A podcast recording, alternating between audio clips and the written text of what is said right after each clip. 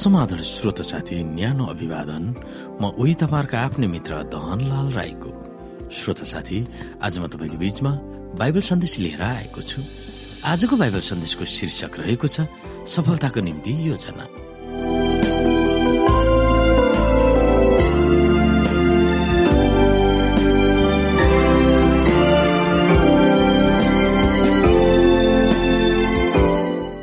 श्रोत साथी यो सफलताको लागि योजना भन्ने बाइबल सन्देशमा हामीले विशेष गरी अध्ययन गर्नुपर्ने बाइबल पदहरू रहेको छ।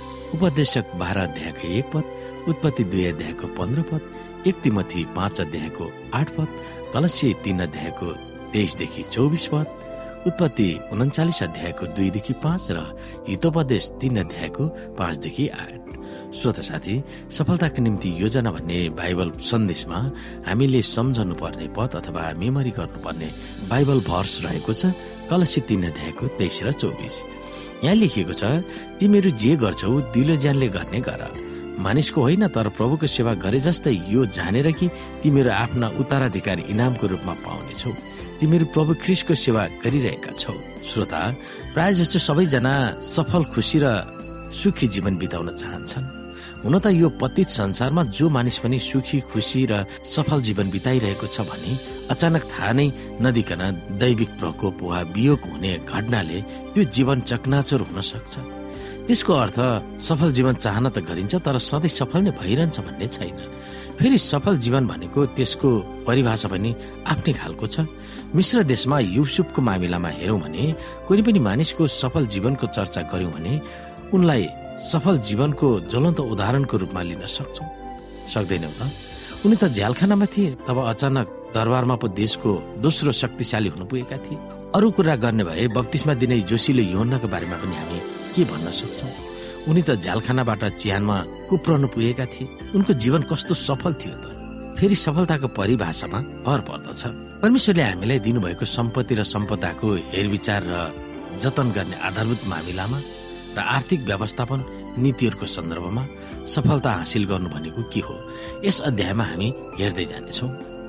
हामीले हामी जो भए तापनि र जहाँ भए तापनि पैसा र आर्थिक अवस्था हाम्रो जीवनको एक भाग हुन जान्छ चाहे हामी मन पराउँ वा नमन पराउँ यस अध्यायमा हामीले केही सफलताको बारेमा केही प्रयोगत्मक कदमहरू पनि हेर्छौँ। हुन त ती कदमहरू अप्नाएर सफल नै हुन्छ भन्ने ग्यारेन्टी त छैन तर अप्नायो भने आर्थिक रूपमा सफल हासिल गर्न केही भुल र कमी कमजोरीमा नपरौँ जसले गर्दा जीवनमा आउने केही कठिनाईको सामना गर्नु परोस्। श्रोत साथी हामीले आफ्नो सफलताको निम्ति केही योजनाहरू बनाइरहेका हुन्छौँ हामी दिनरात खटिरहेका हुन्छौँ सफलताको लागि। सफलताको योजनाहरू हामीले बुनिरहेका हुन्छौँ तर हामी असफलतिर बढिरहेका हुन्छौँ।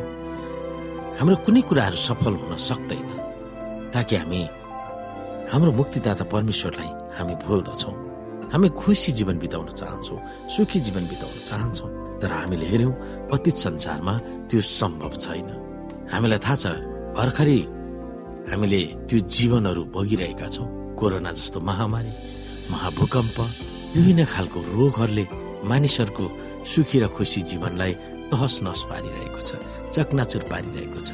हामीले बनाएको सफलताको योजनाहरू दिनदिनै भाताभुङ्ग भएर भत्किँदै गइरहेको छ। एउटा बच्चाले बनाएको परालको घर जस्तो भइरहेको छ। हामीलाई थाहा छैन हामी सफल जीवन जिउनको निम्ति अझै पनि तछाड मछाड गरिरहेका छौँ। हामीले मुक्तिदाता परमेश्वरलाई बिर्सिरहेका छौँ।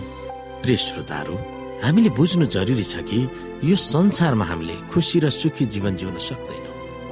हामीले अहिले नै समय छँदै परमेश्वरलाई अप्नाउनु पर्दछ र परमेश्वरको योजना मुताबिक हाम्रो जीवनलाई जिउनु पर्दछ।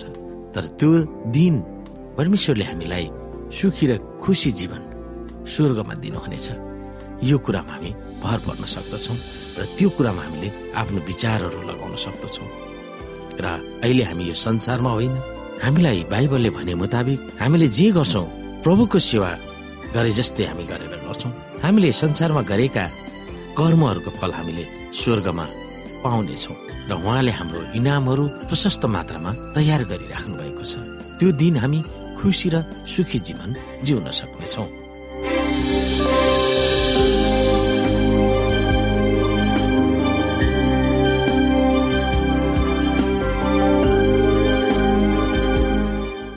श्रोत साथी आजको लागि बाइबल सन्देश यति नै। हस्त नमस्ते जय मसिंह।